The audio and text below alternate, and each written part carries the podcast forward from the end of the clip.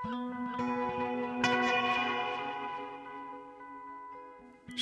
og tónlist, rannsóknir Wittgensteins í heimsbyggi og Stengrimur Gauti í París.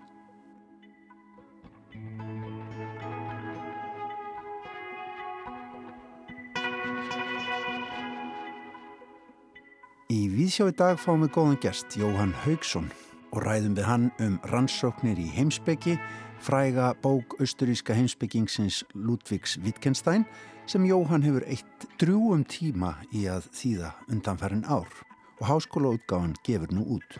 Þetta er bók sem maður getur opnað nánast hvar sem er og alltaf eitthvað forvittnilegt að finna á hverju síðu. Í tónlistarhorninu Heyrandi nær setur Arljótur Sigursson tónlistar spekulant Víðsjár tónlist og skák í brennidebila þessu sinni. En við fáum að gæjast í Parísaróperuna með honum og ykk þess heyra tónlist Hirtónskálds Lúðvíks 15. sem kunni ímislegt fyrir sér á skákborðinu. En fyrst hugum við að íslenskri abstrakt myndlist í París. Í Splunkuníu galleríi í Mýrinni þar í borg var opnuð á dögunum síning með verkum listmálarans Steingríms Gauta. Við ringjum snöggvast til Fraklands.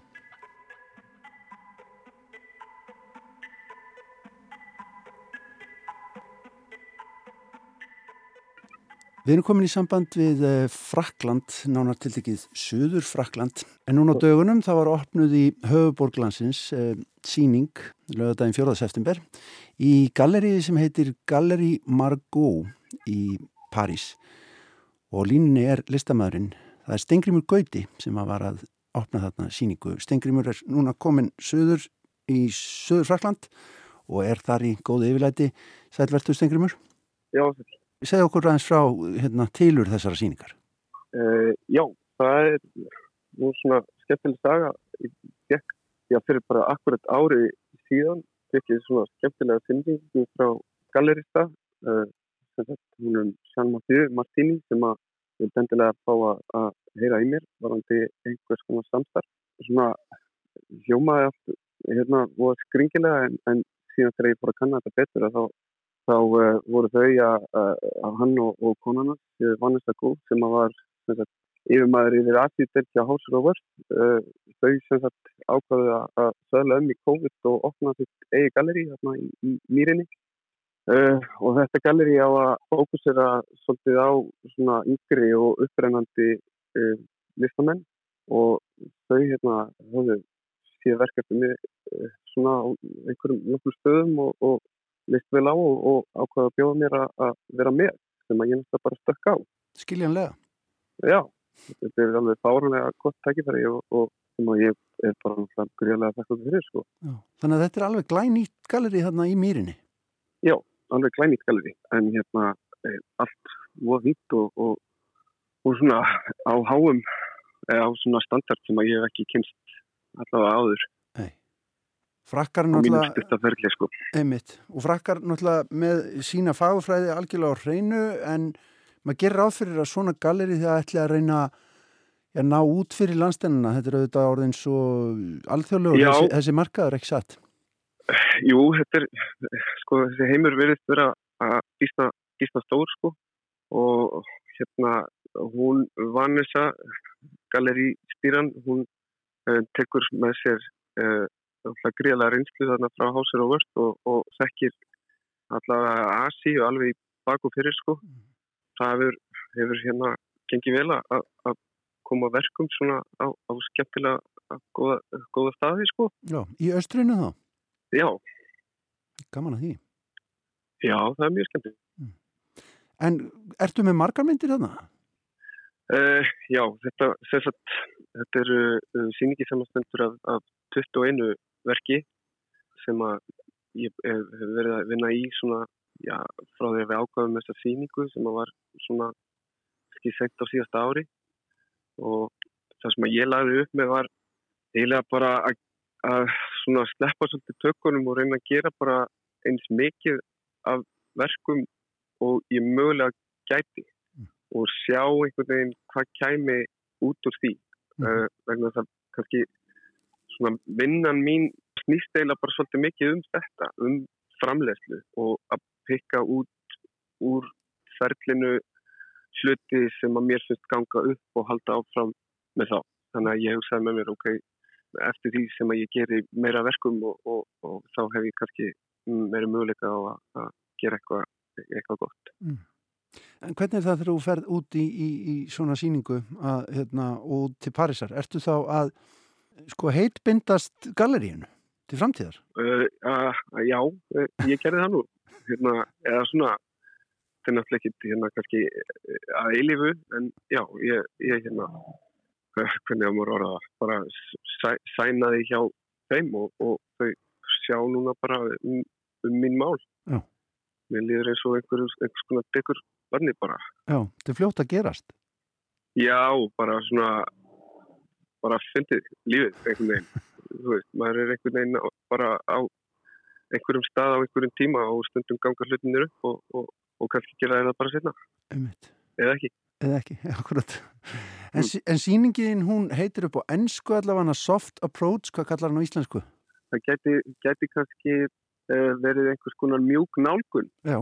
Eða, það er bara hrein, hrein og góð þýðing já, já, mjög nálgun það er bara hljómar ákveðlega Sko ég er hérna með fréttatilkynningu frá galerínu um opnun síningarinnar, þar er til dæmis tekið uh, talað um senbútisma, þar er talað um uh, Cy Twombly bandariska listamannin, sko já. ertu í þessari svona þessum abstrakt ameríska ranni, er það þaðan sem inspirasjónin kemur?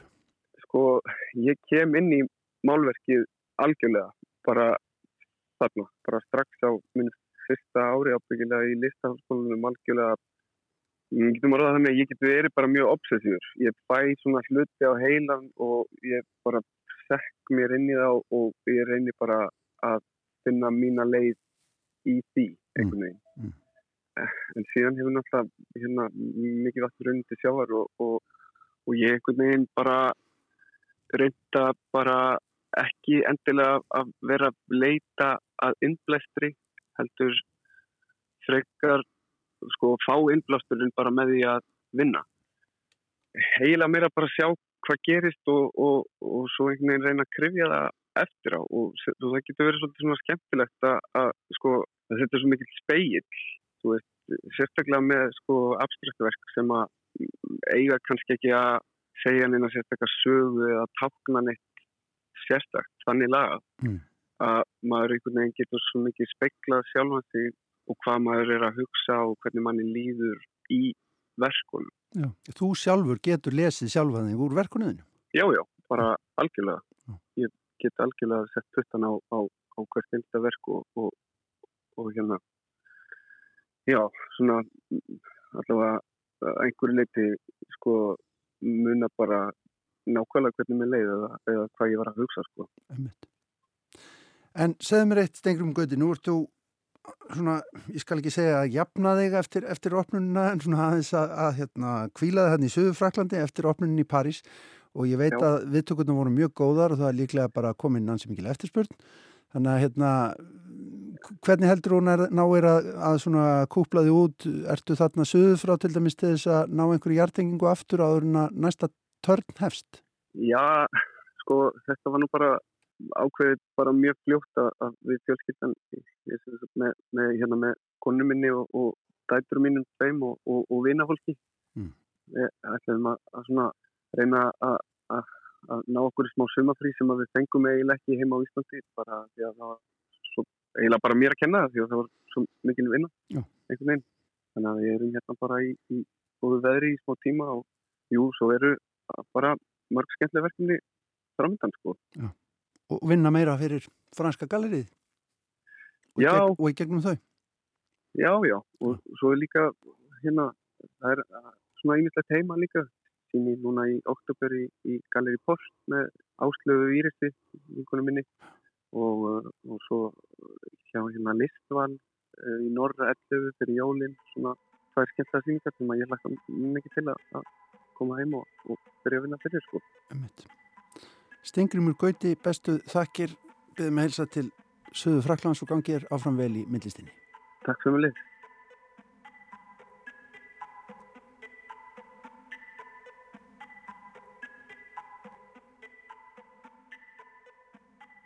Og áfram höldum við okkur á frönskum nótum hér í Víðsjá á þriðu degi. Arljótur Sigursson, tónlistarspekulant þáttarins er hinga komin með tónlistarhort sitt heyrandi nær. Þar er tónlist og skák í brennendepli að þessu sinni og leiðin liggur til Fraklands.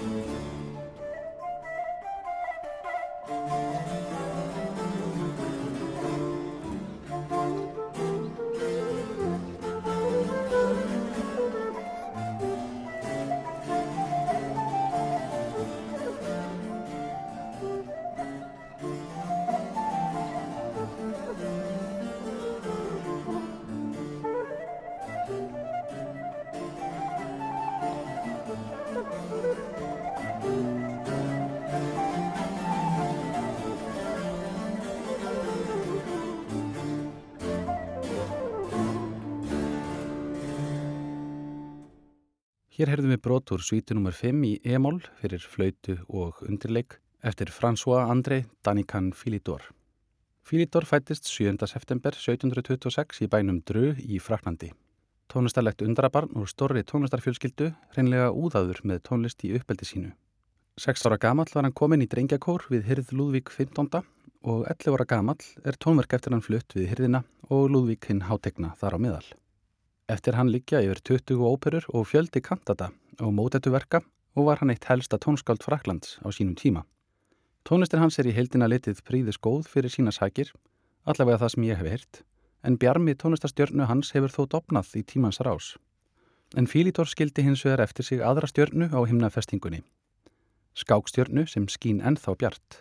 Af mörgum var hann talin besti skákmaður sinnar kynnslóðar og síndi hann gríðarmikla skákkrafta sína þegar hann telti blindandi við þrjá anstæðinga í einu. Hlýðum nú örlitið nánar á 5. svítu Fílidors.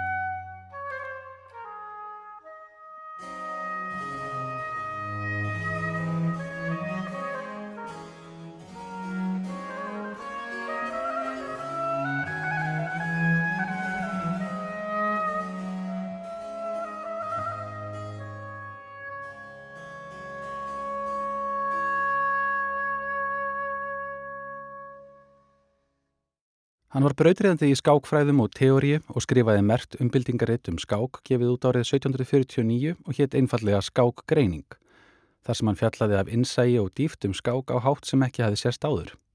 Hann rötti nýja vegi í byrjunar, miðtaps og endatapsfræðum þar sem hann bjóð til skák skólabókardæmi sem í dag þykja undirstöðu kunnota fyrir góðan skákmann. Fílitor lagði grundvöldað nýri hugsun í skák sem breytti öllu sem eftir varð og kom tallmennsku almennt á æðra plan. Maður spyr sér hvort hann hafi verið í frönskum byltingaranda þegar hann skrifaði þessi fleigu orð. Peðin eru sál skákarinnar. Þau orð hafa svo endur ómað í gegnum aldrinnar og eru enn í dag höfð að leiðarljósi hjá yðgendum skáklistarinnar. Látum næja með Fílitor í byli og færum okkur fram um hundrað ár, nánar tiltekið í Parísarópuruna. Laumam okkur inn í sal í síningin er hafinn.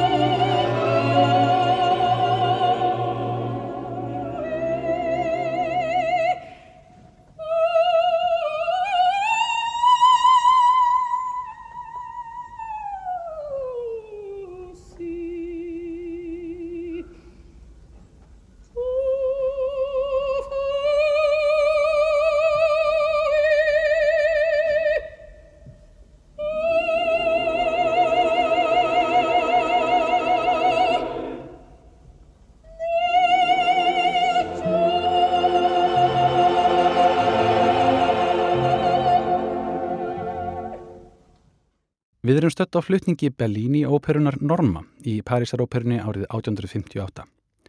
Í stúkusætum situr skáksínið unga Paul Morphy frá New Orleans að tabli við aðalsmennina Ísóard Greifa og hertogan af Brunsvik.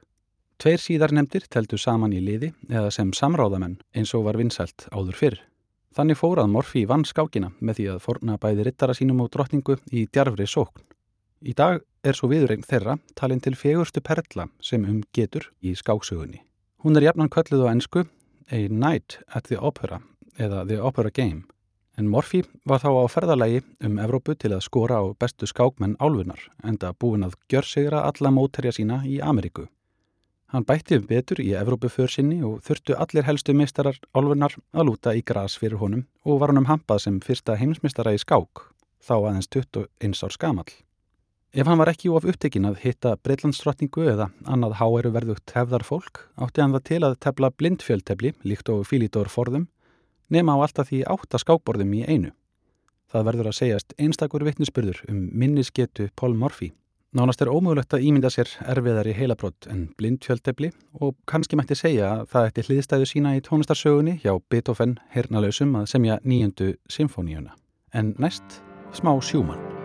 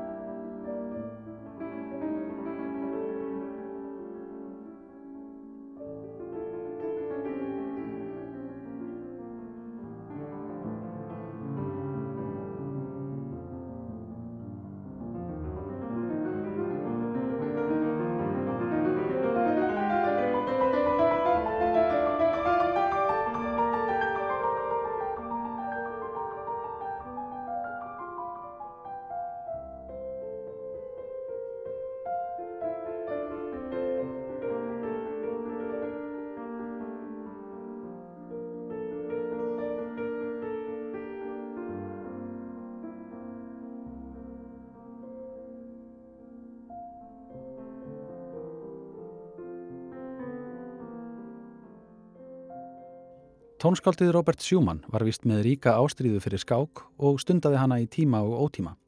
Þegar Brahms var spurður hvort hann hefði nokkuð lert af Schumann, á hann að svarað nýtt alls sjakkspílin, ekkert nema skák. Magnús Carlsen, ríkjandi heimsmyndstari, hefur tít verið nefndur Mozart skákarinnar, væri hægt að segja að Mozart veri Carlsen tónlistarinnar. Það er kannski viðegandi, en það báður undrabörn í sínu fæi. Þeir áttu ekki langt að sækja áhugan en Leopold, fadir Wolfgang Amadeus Mozart, var tónskáld með meiru og Henrik, fadir Magnúsar, er nokkuð sterkur skákmáður og hefur meðal annars tekið þátt í skákmótum hérlendis.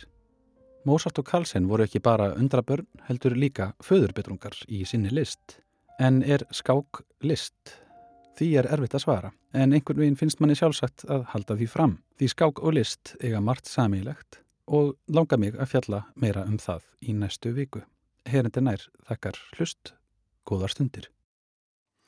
Sagði Arljótur Sigursson, okkar maður í tónlistinni, með sitt tónlistarhorn Heyrandi nær sem er reyndar yfirleitt á mánundögum hjá okkur hér í Víðsjá en eh, tegði sig yfir á þriðudagina þessu sinni. En við ætlum að huga áfram að tónlist og að nýjum íslenskum hljóðrítum því að útkom á dögunum hljóðritun Kristins Sigmundssonar þar sem hann syngur svo kulluð grannmetis lög eftir Haug Tómasson sem að Haugur samti eftir að hann hafi verið að lesa fyrir dætu sínar litlar sem eru núna reyndar orðnar, já stálpaðar allavega. Hann var að lesa fyrir þeir á sínum tíma upp úr barnabókinni Grannmeti og Átvextir eftir Þórarinn Eldjáttn og Sigrúnu Eldjáttn sem uppaflega var gefin út árið 2001 þegar önnur dótturinn saði einfallega þegar dótturinn baða alltífinu um að pappi sinn myndi bara semja lög við þessar skemmtilegu vísur í bókinni og það var úr haugur samti grannmetislög sem að nú eru komin út í flutningi Kristins Simurssonar og þar sem að Helga Bryndís Magnúsdóttir leikur með honum. Upptakan gerð í salnum í Kóbói. Við skulum heyra tvö lög. Þau eru sérvalinn. Annað þeirra heitir Ljóð um ljóð og er valið vegna þess að við erum jú að fara að tala um tungumálið hér á eftir í tengslum við Wittgenstein og Jóhann Haugsson. En síðara lagið, það tengist væntanlegum kostningum og heitir Kusa Kosin. Sem sagt, tvö grannmetis lög úr bálki Haugs Tómassonar, Kristins Sigmundsson og Helga Bryndís Magnúsdóttir.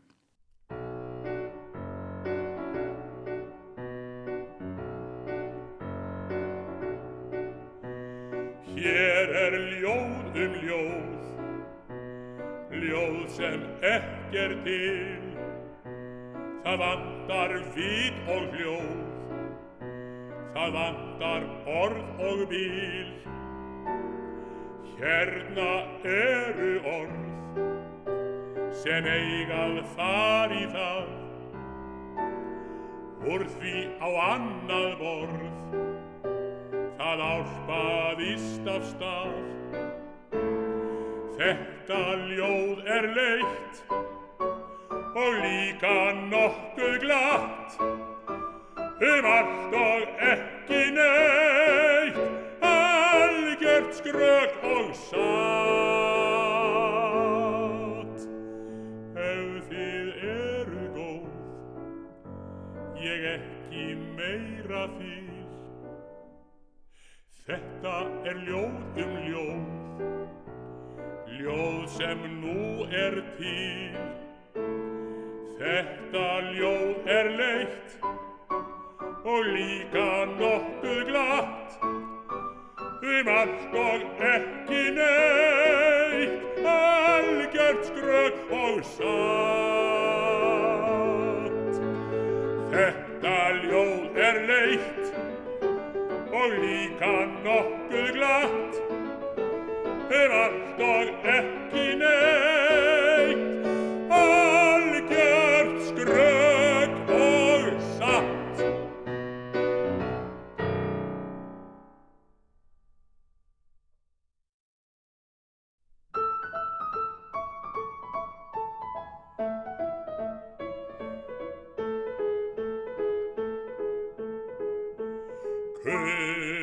var í kjöri til kóaþings í vor. Hún bjóst við feikna fjöri og fannst af ekki slór og fannst af ekki slór Hún kveikt á frelsi skindli og kostningu hún laut. Varð upp í svo að svindli og send með skömma braut og send með skömma braut Hausa var í kjöri til kóaþings í vor. Hún bjóst við feikna fjöri og fannst af ekki slór og fannst af ekki slór Hún kveikt á frelsi skindli og kostningu hún að svindli og send með skömm á braut og send með skömm á braut. Hundar hló og júsu en hesta sungu bí og þeir sem kusu kusu kusu að gleyma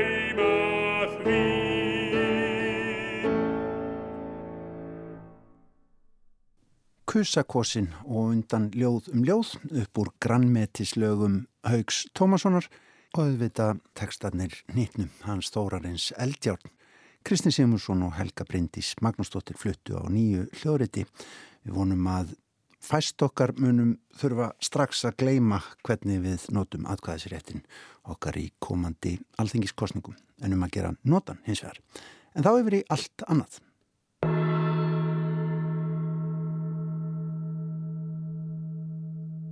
126. Heimsbekkin leggur allt fram til skoðunar og skýrir eða áleiktar ekkert. Þegar allt er sem opin bók er líka ekkert til að útskýra. Því það sem er eftivill dölið vekur ekki áhuga okkar. Heimsbeki mætti einni kalla það sem er mögulegt á undan öllum uppgutunum og uppfinningum. 127. Vinna heimsbekingsins fælst í að sapna saman minnisatriðum í ákveðnum tilgangi. 128. Vildu menn setja fram kenningar í heimsbygginni, yrðu aldrei neinar umræður um þær vegna þess að um þær myndi ríkja einhugur. 129. Mikilvægustu hliðar hlutana diljast okkur í einfaldleika og hverstagsleika sínum. Maður veitir því ekki eftirtækt vegna þess að maður hefur það alltaf fyrir augum. Fólk veitir raunverulegum grundvelli rannsóknar sinna enga aðtikli. Nema einmitt það hafi einhver tíman vakið aðtikli þess. Það er að segja, það sem er mest ábyrrandi og volduast vekur ekki aðtikli okkar.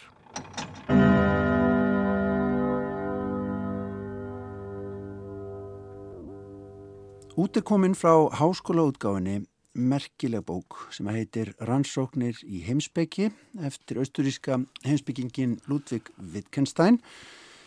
Fræg bók í heimsbyggi sögunni og hingaður komin maður sem búin að vera kljást við þessa bók og þýða í ansi mörg ár veit ég, Jóhann Haugsson, velkomin í Víðsjá. Já, kæra þakkir. Til hamingjum með þessa útgáðu, þessa flotta útgáðu. Þetta er svona eins og þú kannski þekkir það fólk getur öðlast einhverja, fengið einhverja þráhyggju og, en svo er þetta svona metnaðamál að, að klára eitthvað sem að einhver draumur sem að fættist einhver tíman Já. jú, þetta verði ég að gera eitthvað með mm. og það er mjög langt síðan mm. að það byrjaði það er spurningum þegar bara námsár mín í háskóla nánast. Þú er búin að vera í raunni af og til alltaf að vinna í þýðingu í hvaðin 30 ár, eða ekki? Jú, rannsóknir í heimsbyggi eftir Ludvig Wittgenstein er í tölusettum greinum.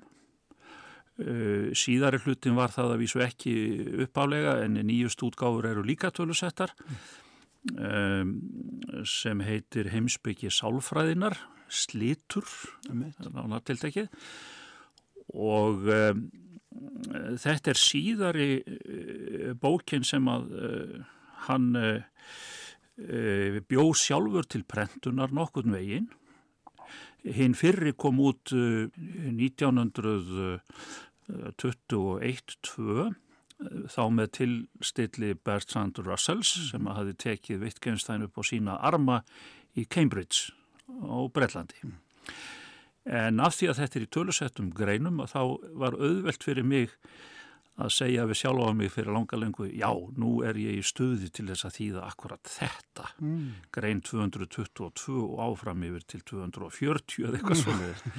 en svo láð þetta náttúrulega upp í hillu mjög lengi. Ég gerðist fréttamaður á útvarpinu og uh, þingjulíkt. En, en um, um, það má kannski segja að svona fyrsta NASA-þefinn fekk ég að Wittgenstein hjá í heimsbyggjitíma í MH þá læra til stúdensprófs enn lengra síðan. Já, Jónin nefli aðalstensinni en þá uh, staldraði ég við eina setning úr þessu fyrra litla riti sem að hann bjóð til prentunar og heitir Tractatus Philosophico-Logicus eða, eða rítgerðum röggfræðilega heimsbyggi Þetta litla rit varð, satt best að segja, heimsfrækt og mjög skömmu setti stjórnu Wittgensteins upp á heiminin. Mm.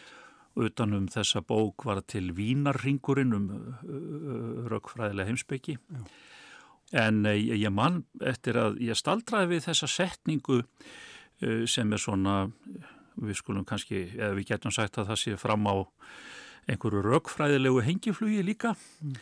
Af því þetta fjallar mikið til um tungumálið. Mm þetta er glíman við tungumálið að greið úr einhverjum flækjum tungumálsins svo, svo framvegis en ein af síðustu setningunum í fyrirbókinni er eitthvað á þá leið hugsum okkur að við stöndum í efstu þrepum í einhverjum stiga og uh, þú sérð heimin ekki eins og hann raunverulega er fyrir að þú kastar frá þér stíðanum.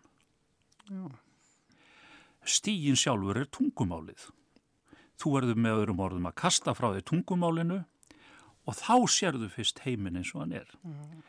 Þetta finnst okkur auðvitað fráleitt en við getum hugsað þetta og við getum fært þetta í orð og við skiljum er í segja hérna hvað þetta er uh, mikið raukfræðilegt hengiflug Já.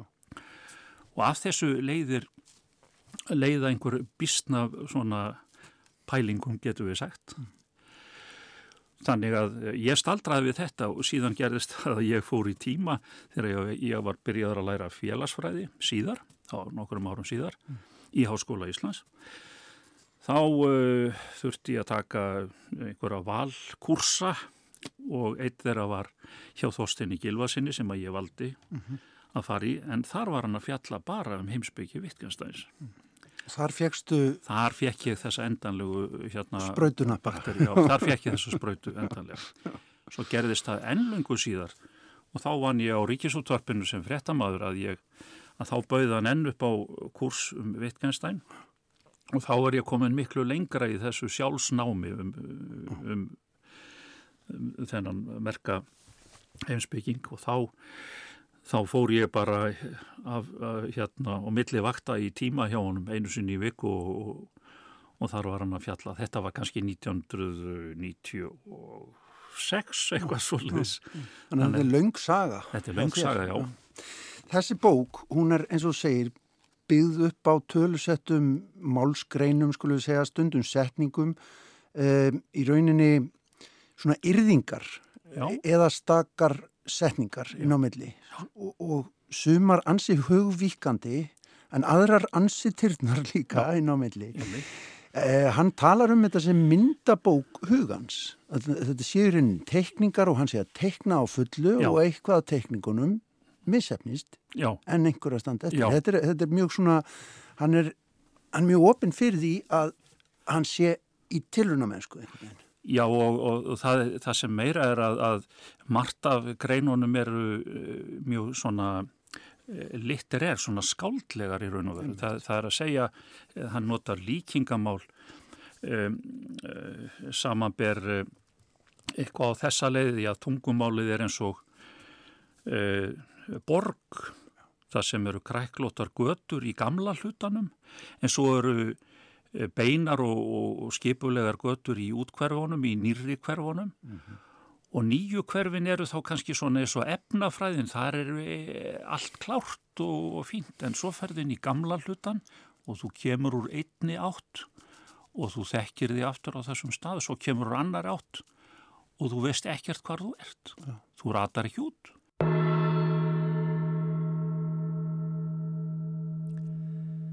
«514. Heimspekingur segir að hann skilji setninguna ég er hér, meini eitthvað með henni, hugsi eitthvað, jafnvel þótt hann velti því alls ekki fyrir sér hvernig við hvaða aðstæður setningin sé nótuð. Og þegar ég segi rósin er rauð, einni í myrkrinu, þá sér þú beinlinis fyrir þér þetta rauða í myrkrinu. 515. Tvær myndir af rós í myrkrinu. Önnur þeirra er alveg svört því rósin er ósýnileg. Á hinni er rósin máluð í öllum smáatriðum á svörtum bakgrunni. Er önnur þeirra rétt en hinn raung? Tölum við ekki um hvíta rós í myrkrinu og um rauða rós í myrkrinu? Og segjum við ekki samt sem áður að ekki sé undað greina á millið þeirra í myrkrinu? Og hann eiginlega frá þessu fyrra riti sínu, Traktatus, að þá skiptir hann svo litun skoðun yfir í, í, um, um meginatriði í þessu riti sem við erum hérna með í höndunum, sem að mér finnst mjög mikilvæg eh, breyting sjálfur. Mm. En þetta fjallar þá líka um það hvernig við skiljum hvort annað. Og hlutur tungumálsins í því. Og uh, uh, til að mynda þá eigðir hann laungumáli í þessari bók hérna uh, á einum stað að, að fjalla um sársauka. Uh, ég veit að þetta er minn sársauki þegar ég klýp mig í handleikinni. Ég finn til. En hvernig get ég vitað af þínum sársauka, hvernig get ég vitað um samsemdina ef að þú klýpur þig í þinn handleik? Ég, ég get vitað um uh, þinn sársauka en með, ég veit ekki með sama hætti um minn sársauka. Ég ger ekki ráð fyrir honum eins og þegar ég er að tala um þinn sársauka. Ég gerir ráð fyrir því unni að, að finni til þegar þú klýpur í handleikin. En sárs, minn, þessi sársauki þegar ég klýpi minn handleik er minn, er ég. Eða. Og þarna paufast Wittgenstein áfram að reyna að finna út úr því hvernig við erum einhvern veginn hvort í öðru í krafti tungumálsins. Mm. og þetta er allt svo sjálfgefið. Ég minna, við, við heyrum óp og við vitum að einhver, einhver er haldin miklum sársöka mm -hmm. og hann heldur um magan mm. og við sjáum all þessi tákn og heyrum tungumálu og heyrum hljóðin. Og við lifum inn í einhverju merkingar heim og þetta er allt klárt. En tungumálið er uh, Mér langar eiginlega til að spóla aðeins tilbaka yfir í þarna stígan. Það er aðrir heimsbyggingar sem að hafa auðvitað haldið því fram að, eða orða það kannski svo, að um, við getum auðvitað ekki losað okkur við tungumálið eins og þetta með stígan og hafa orðað eitthvað á þáleið tungumálið tilheyrir ekki okkur þar um við sem heyr, tilheyrum tungumálinu. Snúaði svo haus. Já, já. Við erum í þóku, eins konar þóku tungumásins. Wittgenstein yngri hefði einmitt haldið því fram. Já. Svo fór hann að, að hérna hallast að því að, að, að tungumálið væru svona verkværi Já. og það væri nótkunnin sem skipti máli mm. og þá er hann búin að viðurkenna með einhverjum hætti að við erum alltaf inn í tungumálinu þó að þetta sé svona raukfræðilega hægt að setja þetta á svið þetta með stigan eða eitthvað mhm, svona. Mm -hmm. Ég man eftir einni grein hérna ef ég má, henni, það er hérna grein 432 í bókinni mm. og hún er stutt mm -hmm. og er svona Eitt og sér virðist sérkvert tákn dött. Hvað gefur því líf? Það lifnar við með nótkunninni. Dregur það þá lífsandan? Eða er nótkunnin andadráttur þess? Mm, þetta, þetta, þetta, þetta er náttúrulega í senn e, djúb hugsun þarna á ferðinu, þetta er líka, það er eitthvað lí, líka sko, hálf svona skáldlega poetist við þetta. Já.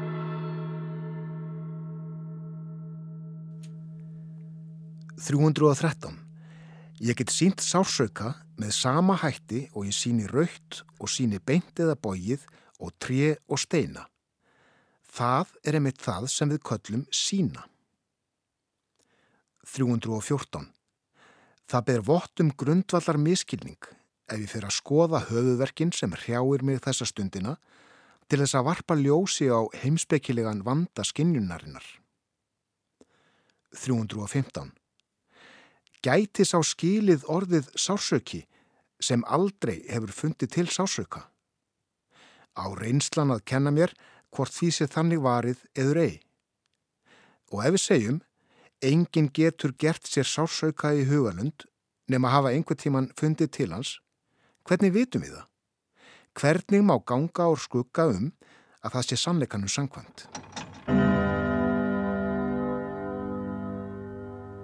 Sko, þessi bók, þú ert, eins og segir, af og til í 30 ára þýðana, hann var 16 ára að skrifa hana, minnst þetta eitthvað, en, en hérna, e, sko, þessi ákafi maður sem þú lýsir og, og er, er líst svo og þú talar um í, í hérna, í þínum eftirmála þýðanda Já. í bókinni, Já ástriðfullur yfir sínum hugsunum og, og fór oft mikinn í, í sínum félagskap já. með sínar já. mögnuðu hugsanir. Yfirgangsamur. Já, einmitt. En hann samt sko líka strax bara í formálabókarinnar þá verðist hann evast um ágæti Já. og tilgang textans.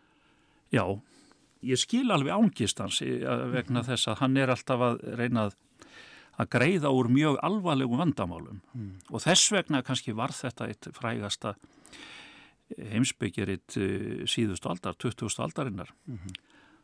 Einn ágættur maður sem að veit svolítið um Wittgenstein, hann sa sagði við mig að þeir eru orðu tveir sem að skipta mála á síðustu öll, það var Wittgenstein og Einstein.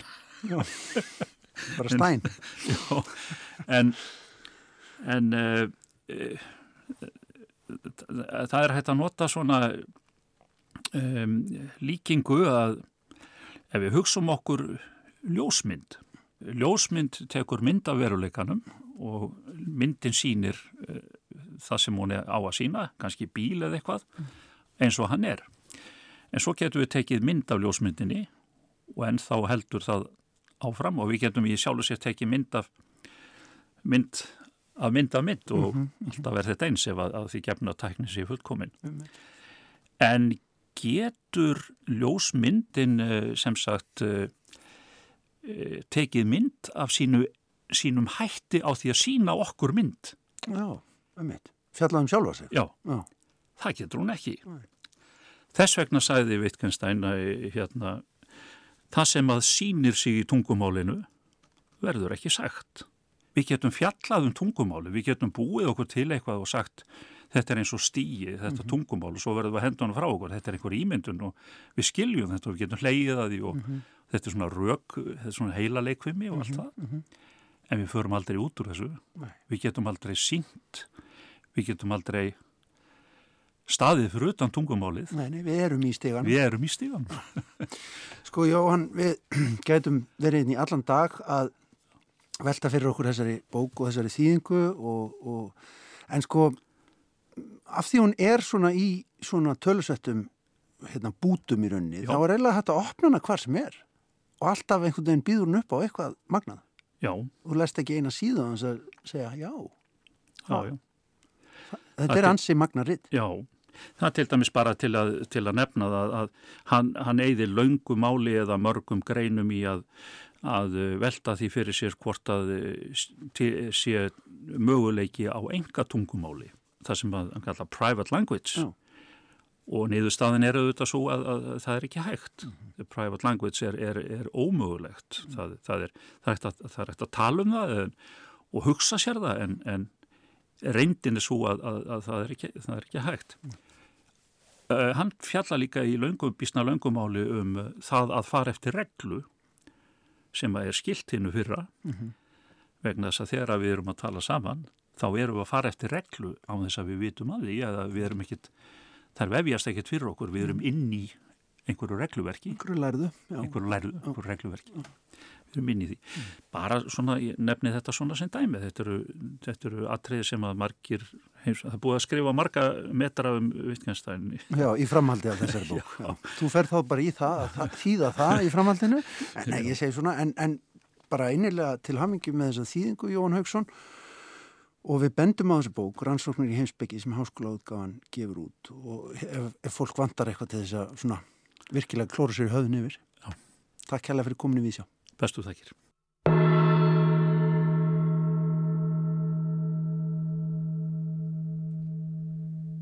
466. Hvers vegna hugsar maðurinn? Hvaða gagnir að því? Því framleiðir hann gufukalla með útrekningum og lætur ekki tilviljun ráða þygt þeirra. Það eru ju aðeins sannindi byggð á reynslu að kallar sem reiknaðir voru þannig út springa sjaldan. En eins og hann gerði allt annað frekar en að stinga höndinni í eldin sem eitt sinn brendi hann gerir hann nú allt annað frekar hann að rekna ekki þól gufuketilsins. En með því við höfum ekki áhuga á orsökum, segjum við, mennirnir hugsa í raun og veru, þeir fara til dæmis þannig að þegar þeir smíða gufuketil. En getur ekki slíkur ketil sprungið?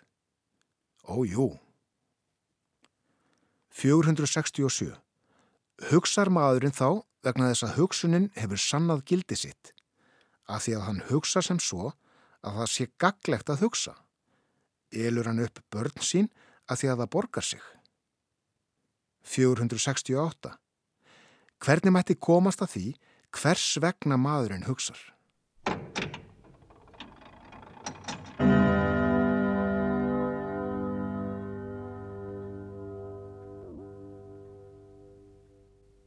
Og það var útvars maðurinn Gethekki Björn Þór Sigbjörnsson sem að las þarna brot úr rannsóknum í heimsbyggi, fræri bók Ludvíks Wittgenstein sem Jóhann Haugsson, viðmælandi okkar, hefur eh, eitt drjúum tíma í að þýða vandlega og komin er út hjá háskóla útgáfinni núna um að gera benda áhuga fólki um heimsbyggi á þessa merkilugu þýðingu og bók. En svona ágættu hlustendur ætlum að ljúka við sjá í dag. Við verðum hér aftur á morgun klukkan 16.05. Bendum á það að alla þætti viðsjár og auðvitað svo margt, margt, margt fleira í dagskrar rásar eitt má nálgast inn á spilara rúf bæði á vefnum og í gegnum appið góða smáforrið rúf síðan erum við líka inn á Spotify með viðsjár þættina okkar og í hlaðvarps forritum ímiskunar en takk fyrir samfélgina verið sæl